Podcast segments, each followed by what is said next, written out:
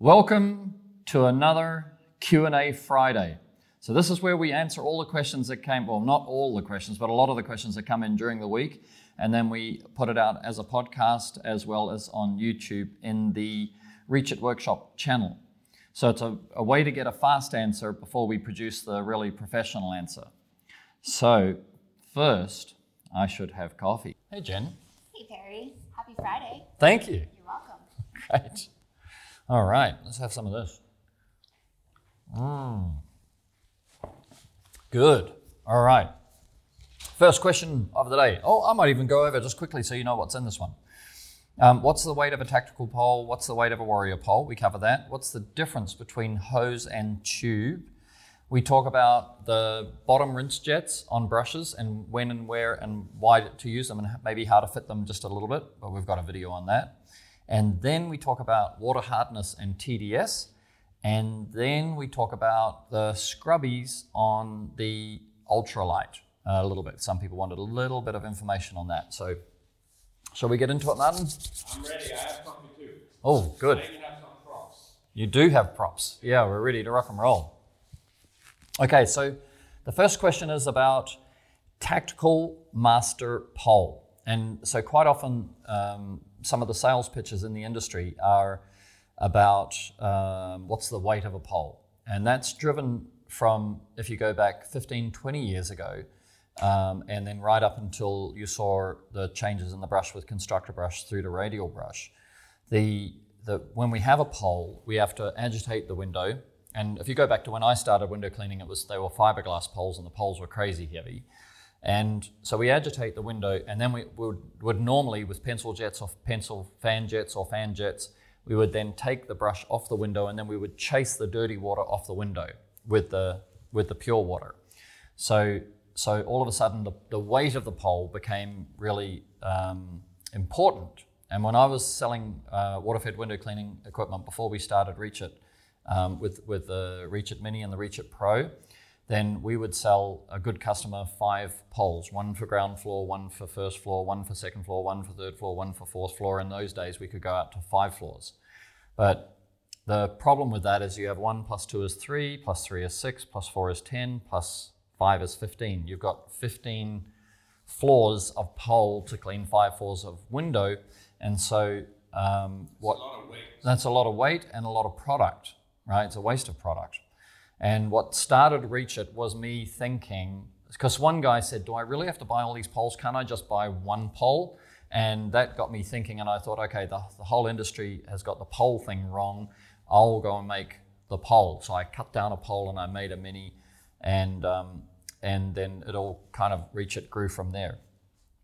So the principle that we want to first achieve is that um, is the 80-20 rule. To understand that 80% of glass for a residential window cleaner is two stories and below, and 80% of glass for a commercial window cleaner would be three stories and below, or maybe four, but unlikely, right?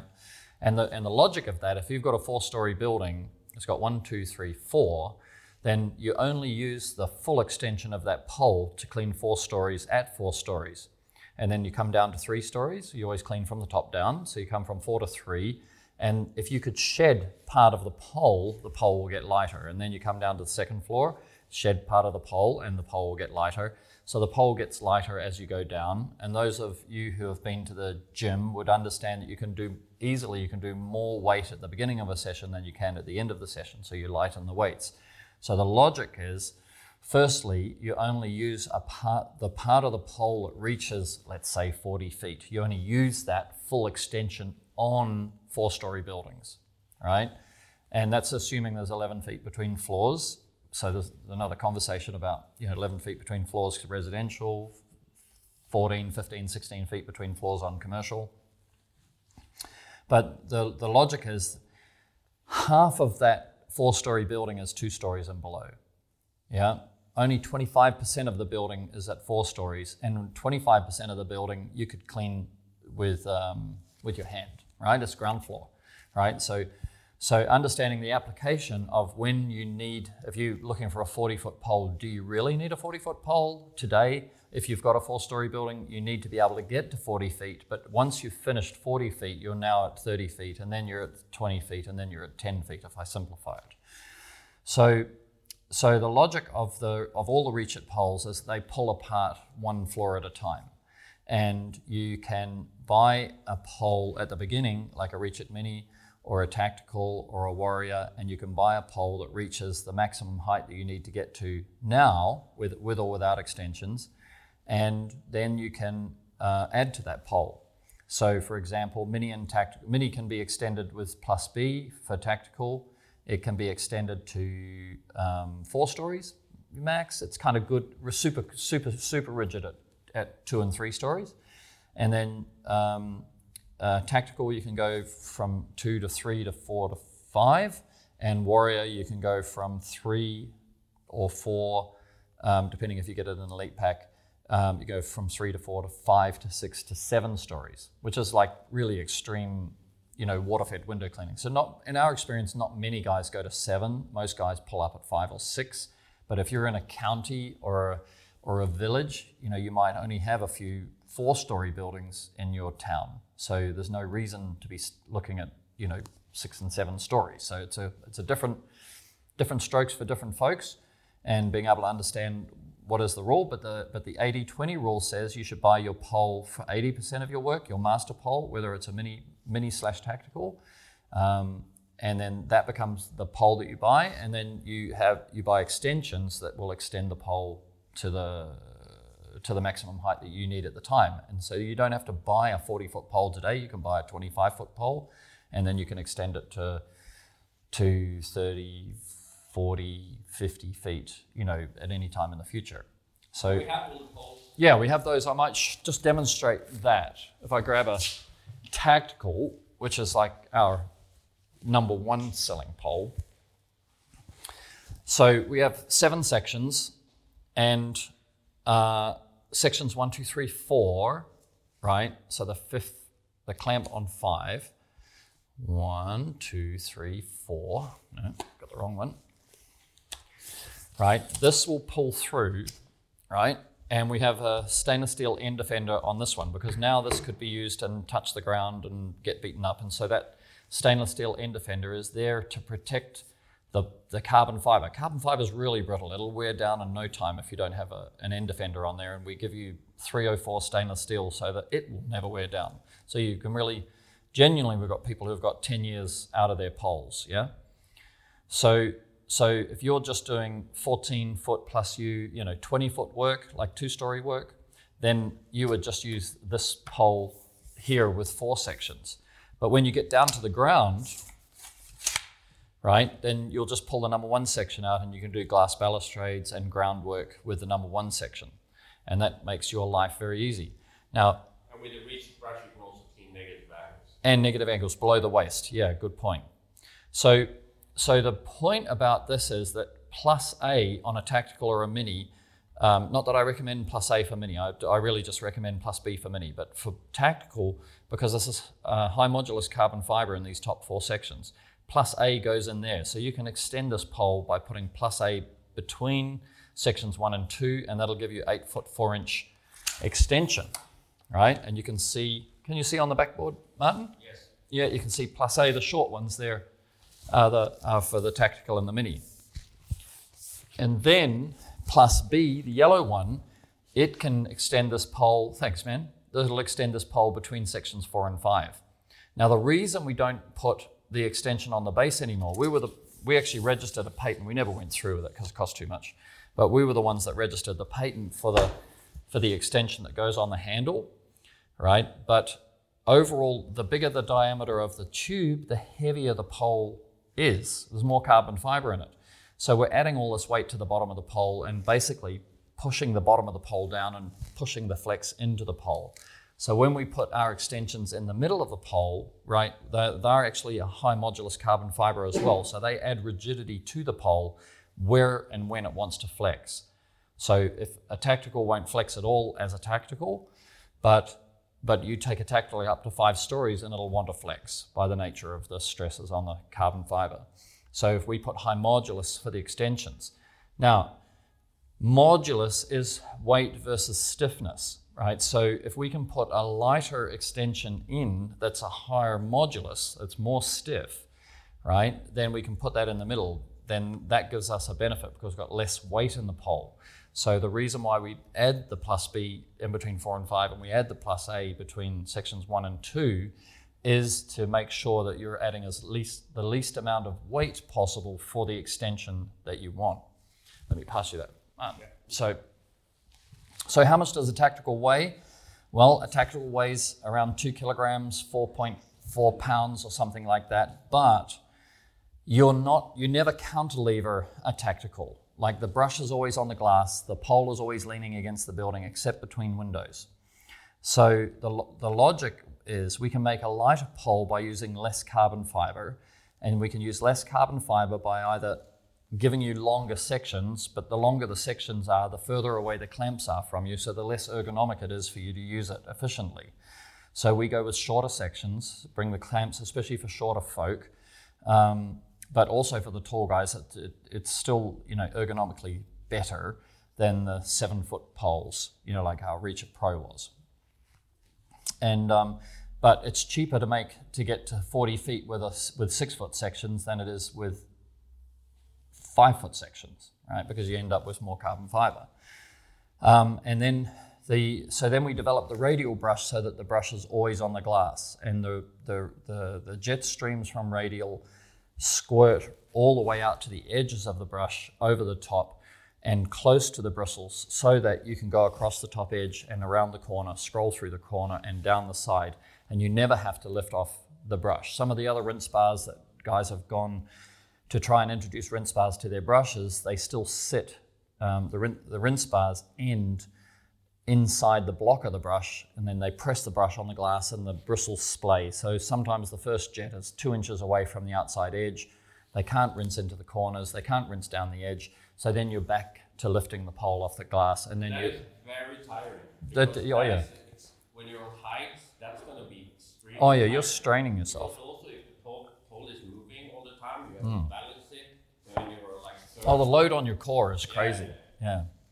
And in the old days, I was doing fiberglass, and I got this knotted um, muscle in my back, right? And I it was one of the reasons why I stopped window cleaning was because I was in so much pain in this one spot, and I couldn't.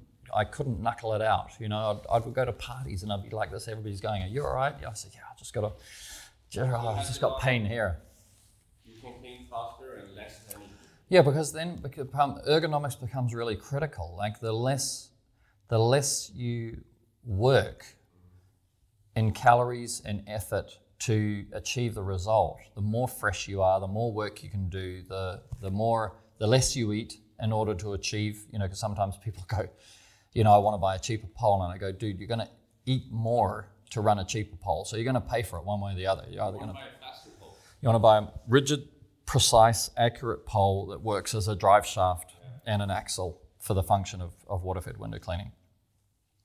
So, um, so yeah, so so actually, tactical doesn't have any weight except the weight of the pole that you buy, which is the weight of it fully extended, right? But it has a weight at, um, for example, if you buy it with a shock stop in a in a tactical elite pack, you know maybe it's two point uh, 2.8 kilograms, uh, which is B 5.6, about six six pounds, um, and you've got like six pounds of of pole that will reach three stories, but then you've got like 3.5 pounds for two story and less than and maybe one pound or one pound four um, for for one story for groundwork and glass balustrades. So the weight of the pole is determined by the height that you're cleaning, and then as soon as you've cleaned at that height, you then strip off the part of the pole that you don't need. And if you're starting just on a two-story building, you won't take out the whole tactical or mini or warrior. You'll just take out the part that does that job, and that's the weight of the pole at that height. And there's no big deal adding weight to the pole to reach higher, knowing that you can take that weight off. So that is the answer to that. Now, the, for the warrior pole, the only difference, the logic is the same. Um, Warrior pulls apart at section one, three, and five, so it pulls apart in more places. Um, plus A goes between five and six. Plus B goes between um, three and four, like that. Uh, and so, and, and the, the Warrior, if you look at the board, you'll see that they're longer. So they actually extend another 11 foot 4 inches, which is one story. So the Warrior extensions are one story at a time. And, uh, and that gives you the, the same logic, same reason. The Warrior extensions, the plus A and plus B, are ultra high modulus carbon fiber, like the top of the Warrior pole and the rest of the Warrior pole is high modulus carbon fiber. So we're trying to make sure that the pole stays as rigid as possible under all conditions. But obviously, the higher you go, the more the more load there is on the pole, so the more it'll want to flex and and have the curve uh, on the pole. So one day I might make a a um, maybe next Q and A I'll talk about the technique of the different techniques between cleaning at seven six five four like that with a warrior because you change your technique slightly with each floor and you can, uh, you can keep the pole as rigid as possible. Can you remember that for me, Martin? Tell Jen. Yes. that the, tech, the seven st- yeah, yeah, like that. Yeah, there's a different technique. If you master this, you, you, you increase your efficiency and the effect. Alrighty, so that is topic one. I get to drink a coffee. I will take a note. Okay. This one is kind of interesting. What's the difference between hose and tube? Right? So, hose and tube are, uh, uh, um, most people use them as interchangeable words, but if you do want to know the scientific meaning, the scientific meaning of a hose is it's multiple ply, and a tube is a single ply. So, if you look at um, high flow tube, Here. we could look at that. Yeah, this is high flow tube. You can look at that and you can see it's um, it's a polyurethane material made one ply, so it's extruded just as a single uh, material. There's no layers and layers. And if you look at this, is our new um, hose, which we're going to start selling soon. I have it in stock. I was trying to bring it out for Black Friday, but it arrived during Black Friday. Yeah, so this one, you can see there's three ply. So there's an inner layer, then there's a braid, which is like a pressure hose, but it's not a pressure hose. Yeah, you got the shakes there, Martin. I'm trying to see if I can get it sharper. The sharper, yeah. So there's actually there's a layer, then a braid, and then a layer. So those guys who do pressure washing would understand that the braid um, enables the hose to carry more pressure because it, this, the integrity of the hose is uh, controlled by the braid, and the wall thickness of these hoses is more, right? So if we can master when you talk about lay, lie flat, non-kink, you know, some of the materials have to be sort of single ply, but this hose here is a fantastic long run, you know, 150 feet in a roll, and um, and it and it. Can you see that? Hardly. It's. I can bring it across. So this is high vis, non kink, non reaction to hot and cold, you know, minimal reaction to hot and cold, let's say. Um, and it's a very, very nice soft hose. And the logic is that the this this hose will carry twice the volume of high flow at the same pressure.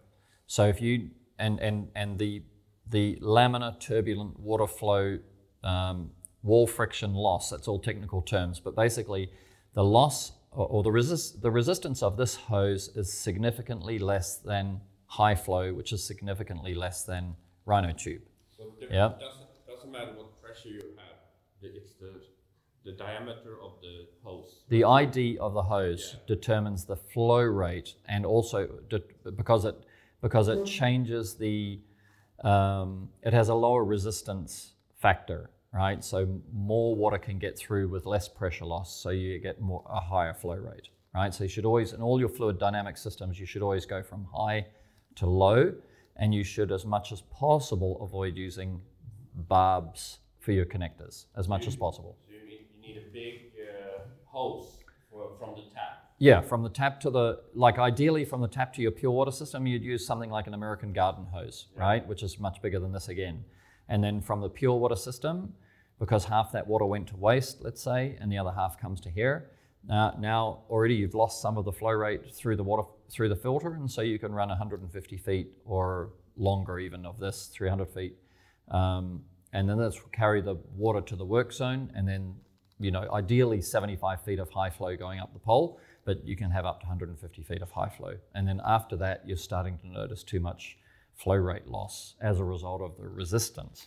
That is scientifically, scientifically part of um, any hose or tube. There's lots and lots of things that determine it, like the how smooth the inside is, whether it turbulates the water and increases the resistance, and all that kind of thing.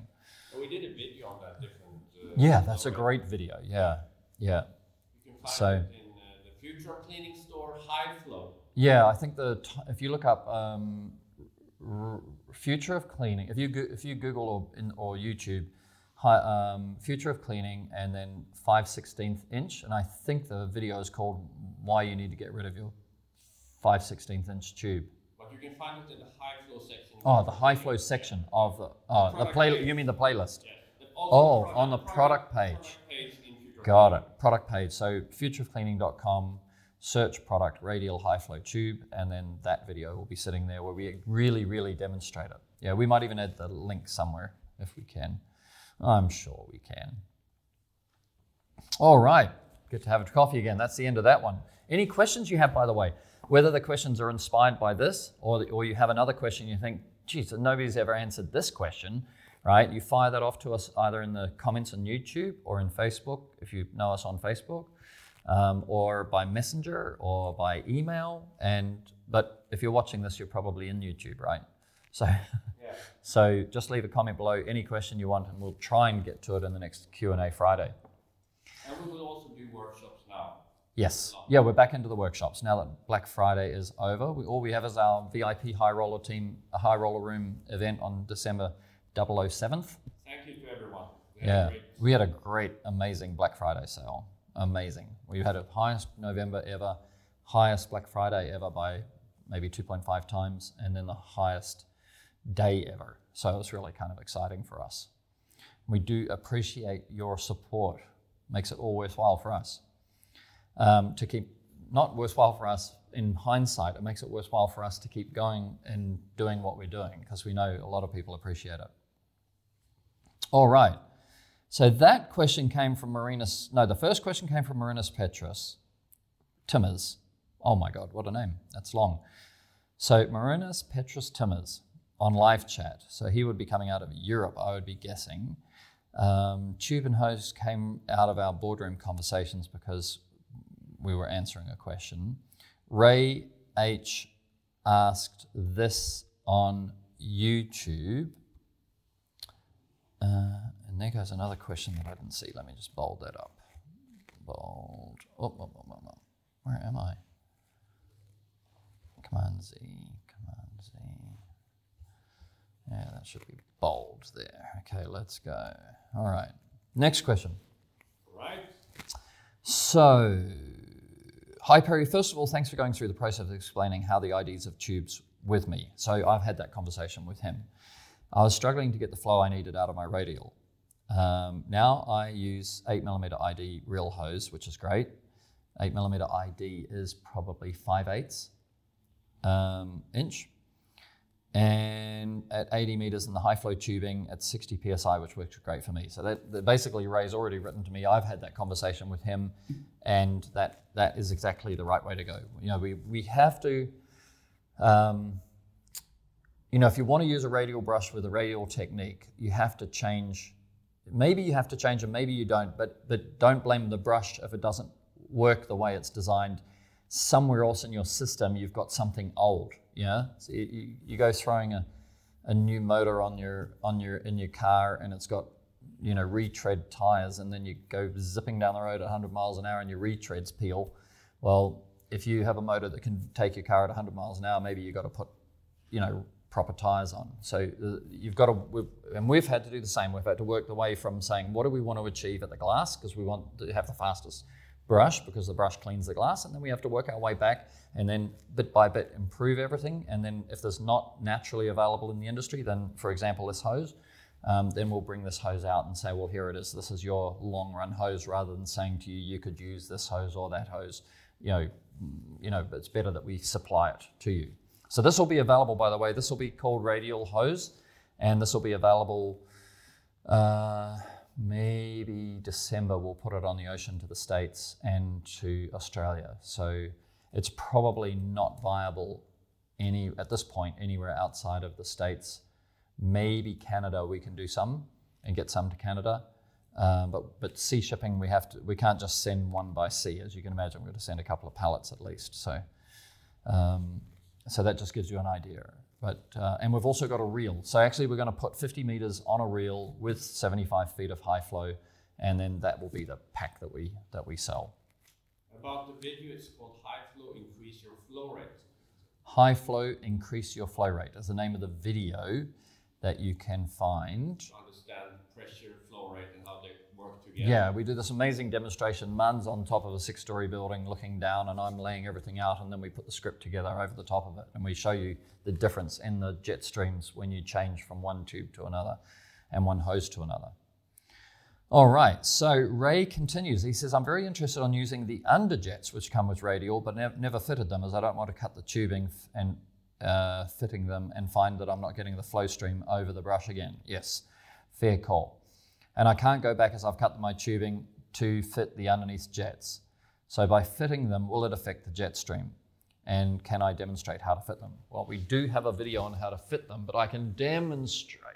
Right. We, we have a video called Unboxing Radial Rocker. Right. So the video called, which is on YouTube and on the Radial Rocker page, is oh, It's on YouTube. it's on YouTube. Oh, because we changed the Radial Rocker page. Yeah. So the video is called Unboxing Unboxing Radial Rocker. Radial Rocker. And in the end of that video, the last part is how to add the base jets. Right. Right. How to add the base jets. Okay. So I should grab a Radial Rocker as well, actually, to talk about that. And it's, uh, it's quite easy actually. Yeah, the fitting of them. His concern is whether it's going to, you know, because he started off with with something like um, Rhino Tube, then he changed to high flow. Now his jets are working perfectly, and he's saying, "You gave me these base jets. If I if I fit them, will I lose my flow rate over the top?" And the answer is, I don't know. so if I if you zoom in here, Martin, the, so what he's talking about, this is on Deep Frame. Deep Frame and Solar Rock, I have these base, these jets fitted naturally. The white one. The white one, the white one's there. So there's four jets on this side, four jets on this side. So four jets on the left, four jets on the right for the people listening to the podcast, and they are on the bottom of the brush where the water comes into the brush. Okay, so every time somebody buys a radial rocker, we put those in in case they have the flow rate to, to add them, but we don't add them in case you don't because people's everybody's flow rate's different, and the industry. Um, most people are gravitating towards It, and then in that gravitation, they've got older stuff that's designed for pencil jets and fan jets and um, other. Even some of the people have got some of the other rinse bars which are not designed the same way as we design ours. So they, they work with a lower flow rate, but they but they don't do the same thing. So you lose the efficiency. They don't solve the efficiency. They just give you a, a, a, a um, they give you a rinse bar.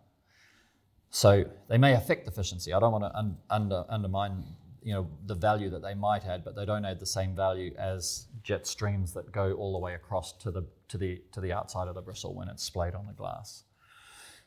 Okay, so so if you wanted to fit those base jets, you would have to cut the exact length of the of the insert. Let's say you know um, out of these, and that's easy on the video, so we don't have to go through that. The question is, does it affect the flow rate? And the answer is yes, of course. Firstly, noticing that the water comes in through the through the bottom of the brush, and we're adding jets to the bottom of the brush, and that water, you know, if you understand water, it water always finds the path of least resistance. So, um, so if it, it can come in through the bottom of the brush and then go out through the bottom of the brush, it's going to want to do that. Now, obviously, the the pressure and flow rate that we're pushing into the brush determines how much of the water gets to the top of the brush and then out through the the um, the radial shaped jet streams, right? So we've got to be able to get the water to bend. It comes in comes in through the bottom around to the top, and then it has to bend and turn back 60 degrees on itself and go 60 degrees back the way it came. And that's the that's the the, the, the hydroblade. Yep. And also the also have this blade. Yeah, the base has splay. It's a very good point. So the base jets, for those who don't know what they are, they also splay. So each of the four jets squirts in different places. They don't just squirt straight, right? So we're trying to give you a So we try to give you multiple. so you can- yeah. Okay, go. So we try and give you an amount of water. So why do we do that? Well, if you've got really dirty, if you've got really dirty windows, the downstroke is critical for removing the dirt, the dirty water. So what we've found is that on really dirty windows, if you can add um, water to the to the downstroke, you can you can pull and turbulate more dirt into into that water, so you get more dirt off the glass in a single stroke as compared to leaving the water inside the brush or over the brush, right? So so that's why, for example, Deep Frame has it standard because you know usually commercial jobs are not as regular.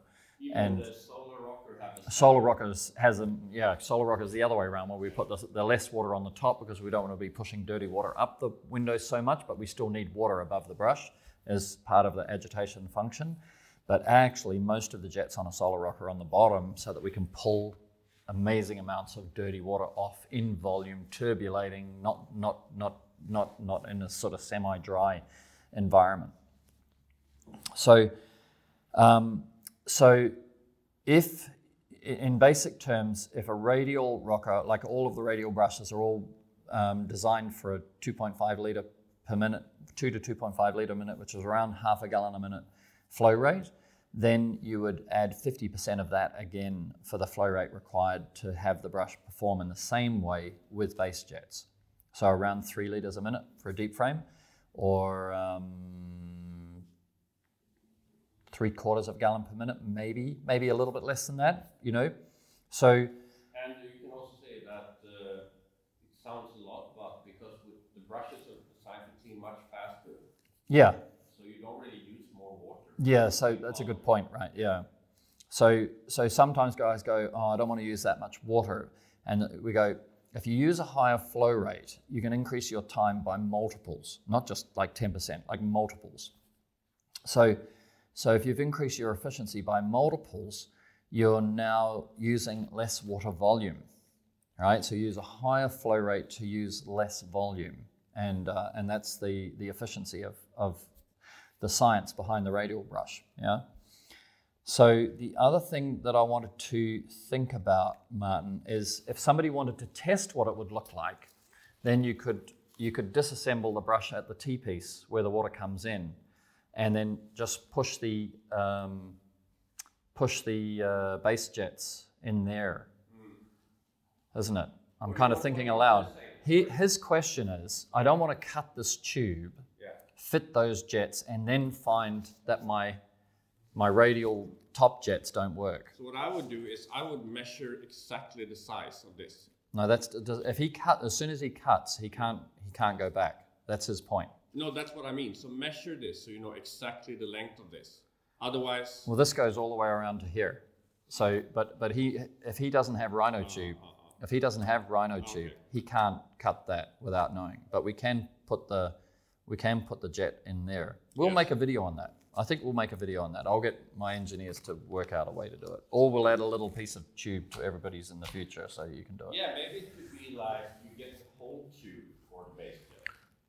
Yes, yes, or at least the second part. So we tell them to cut it here and then add this. Yeah. You know, well, no, that, that won't work either. That also won't work. We think about that later. We'll think about it. Yeah. yeah.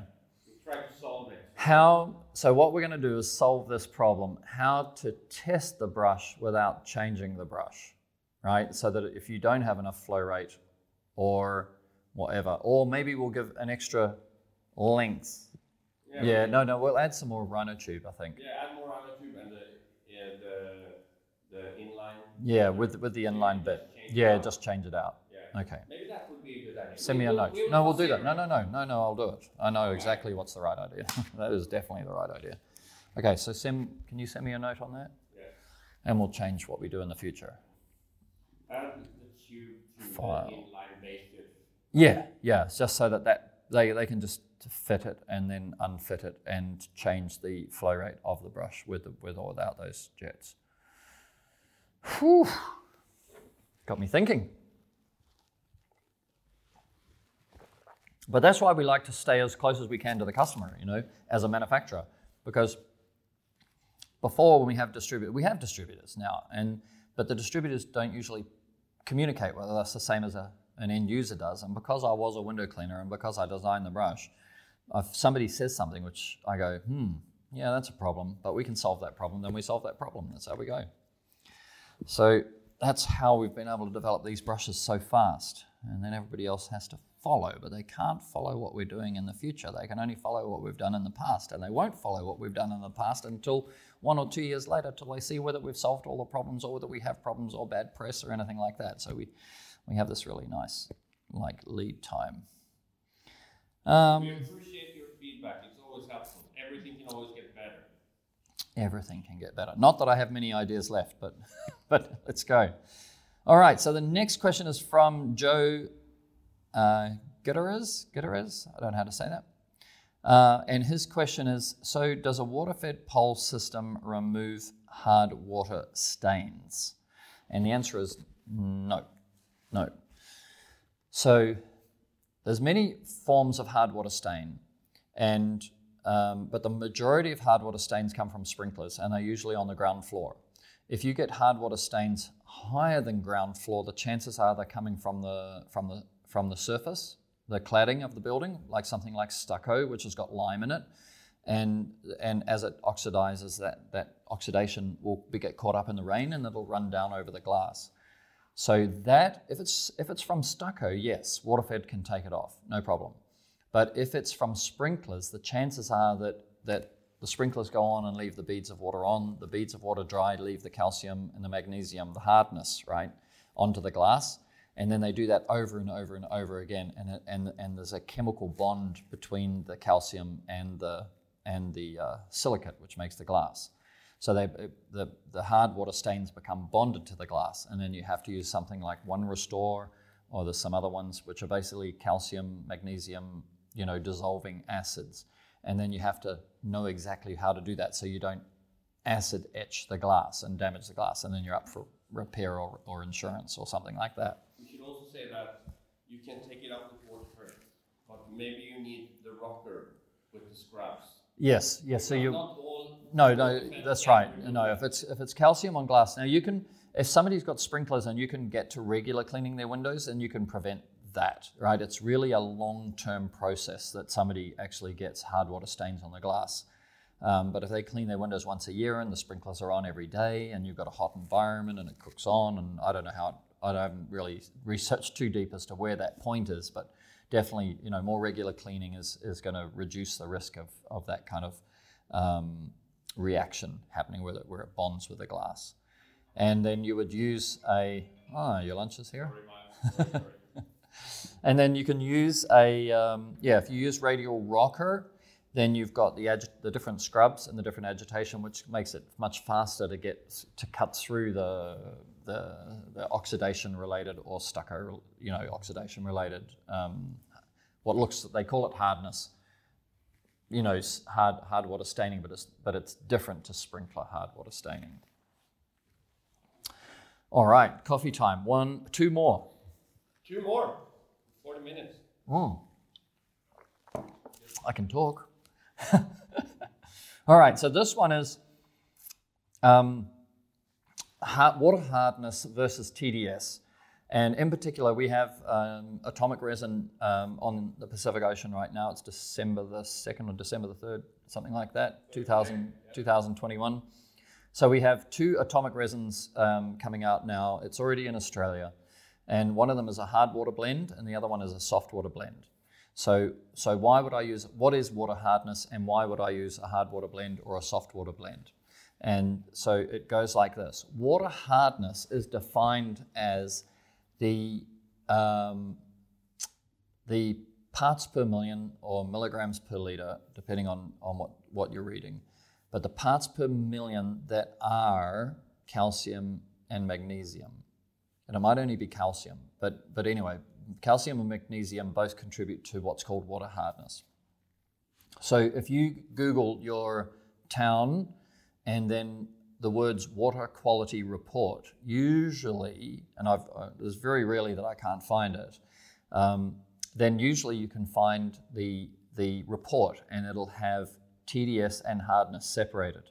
And sometimes it'll go through suburb by suburb. So, what we might do, Martin, I've got the report from Perth, right? And we can put that into this video. And um, so we. It's not just the, uh, the, the TDS, the number of the TDS, but also Correct.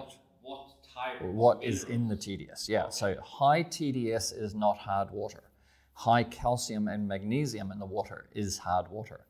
So um, you'll see that there's two suburbs that I will highlight um, into this video, and there's Bunbury and there's Two Rocks. And one has got, both of them have got high TDS, but one has got high hardness and the other one doesn't. So in the one which has high hardness, then um, then you would use a hard water mix of um, of mixed DI mixed bed DI resin. So what that does is it has more cation resin in it, like 65% cation, and that cation is aimed at taking the calcium and the magnesium out of the water, right? So that gives you an idea is um, to if you the problem is that it does, it's not the same everywhere. So you, have to really know that most of your area has got a lot of lime, a lot of calcium in the water.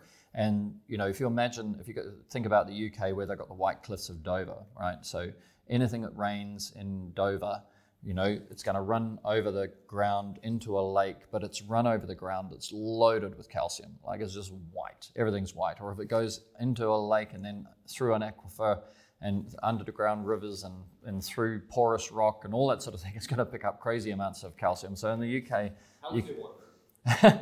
well, you're better to get silicates. Silicates are better. That's uh, like um, San Pellegrino. You know, that's a that's good water. Um, so, so you this you know like for some parts of the UK they can get you know hard water with TDS 900, of which most of that TDS is calcium, like that.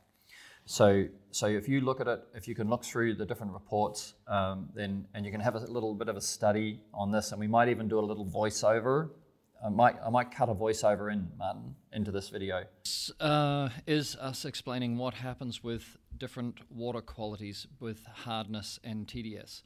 So this is a report from the Perth um, Water Control Department, whatever it is.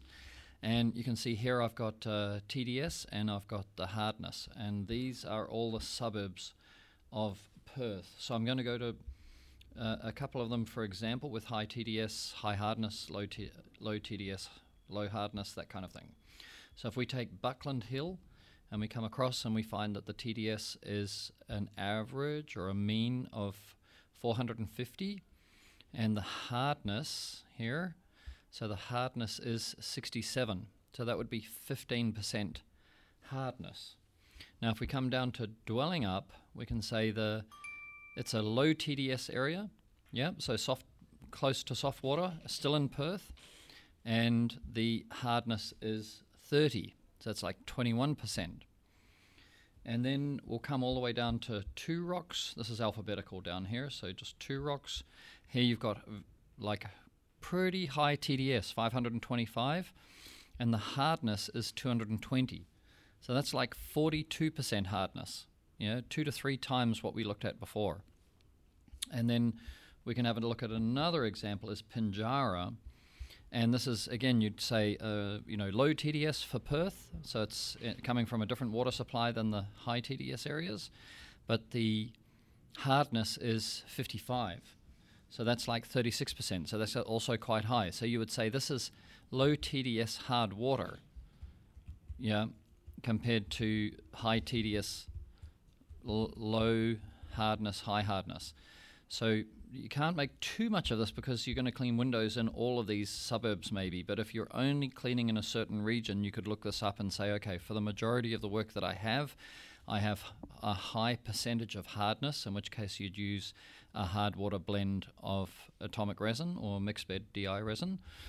But if most of your areas are relatively low, you know, sort of 15 to 20% hardness or less um, in your water quality report, then there's no advantage. You'd actually spend more on mixed bed DI resin than you would if you were using the 50-50, the standard, you know, window cleaners DI resin. Okay, and then back to me. Okay, so that's water hardness and TDS. And then if you have high hardness, then you could save more money on your if you're a DI user. Doesn't matter if it's if you're in an RO, it doesn't apply. You just use 50-50 um, mixed bed resin for, for for ROs. But if you're in a DI only environment and you want to use resin um, and DI tanks, then you would use the hard water blend. So why would you do that? Well, if you're an irregular user or you're using the drive-through car wash method where you're washing the windows and frames with tap water and then you're leaving tap water on the glass, the, the windows are clean but the but the water's not, and then you go back and put DI water through your DI tanks and then you just go over every window, five seconds a window, take off the tap water, leave the spot-free water, and you've got spot-free windows.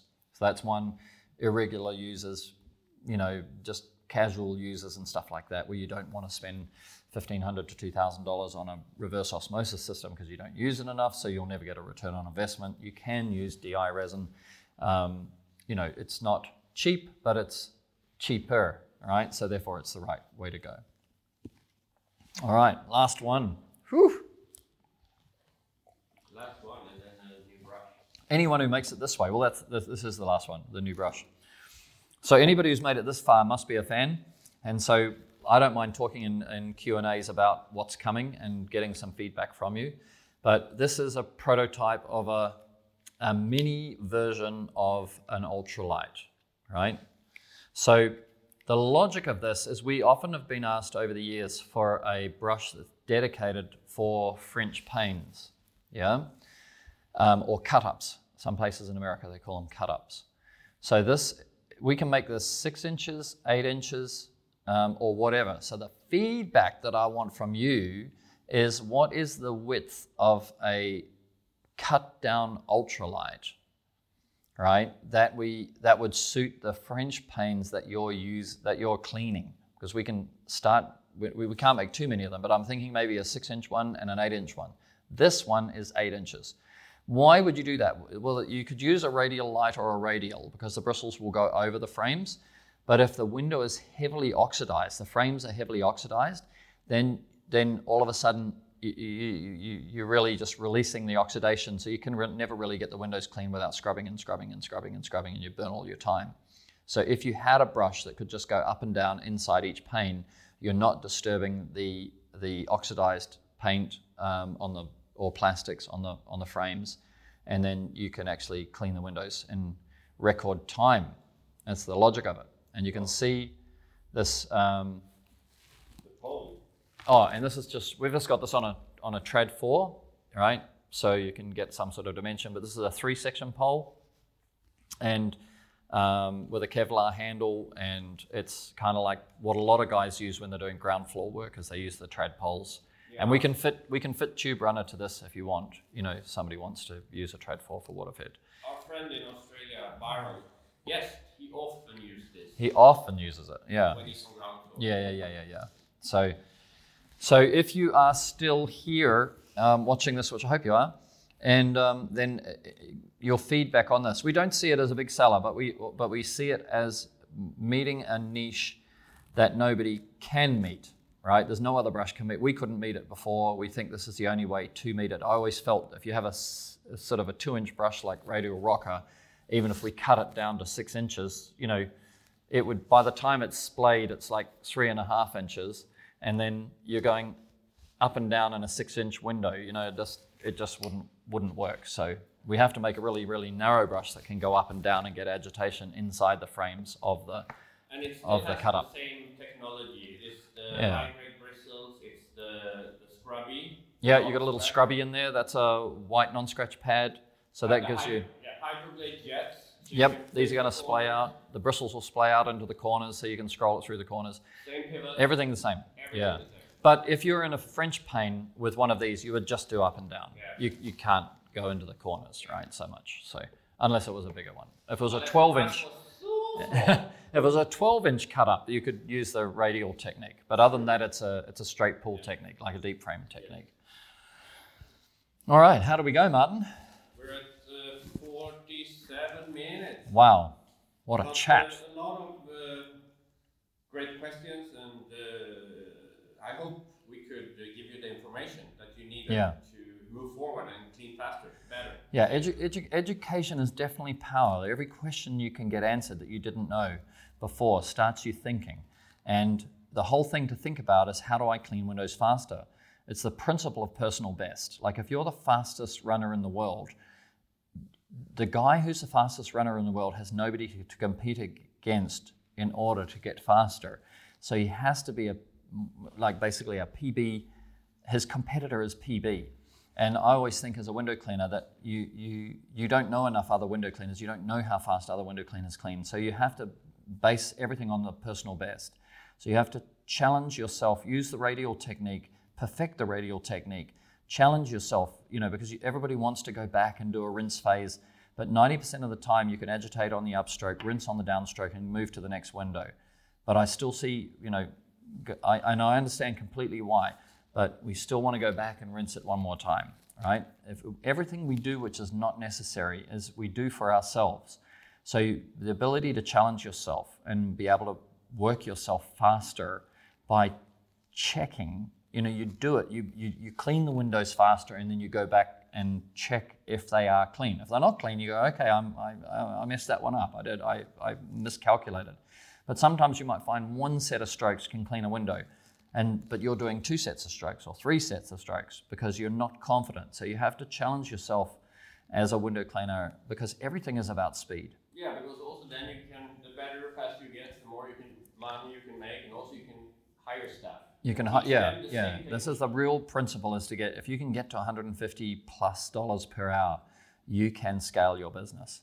Right? You've got money for advertising, you've got money for repairs on your vehicles, you've got money to put staff on, you've got money for rainy days and snowy days, you've got money for everything.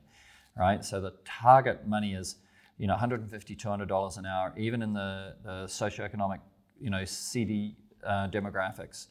Um, you know, because obviously in, in the states like Maryland, like those guys are getting ten dollars a side of a window. You know, but you go out to Nelson, Iowa, and it's like a dollar fifty. You know, so we need to, the efficiency needs to be. And if you want Really important. You can uh, download our free catalog.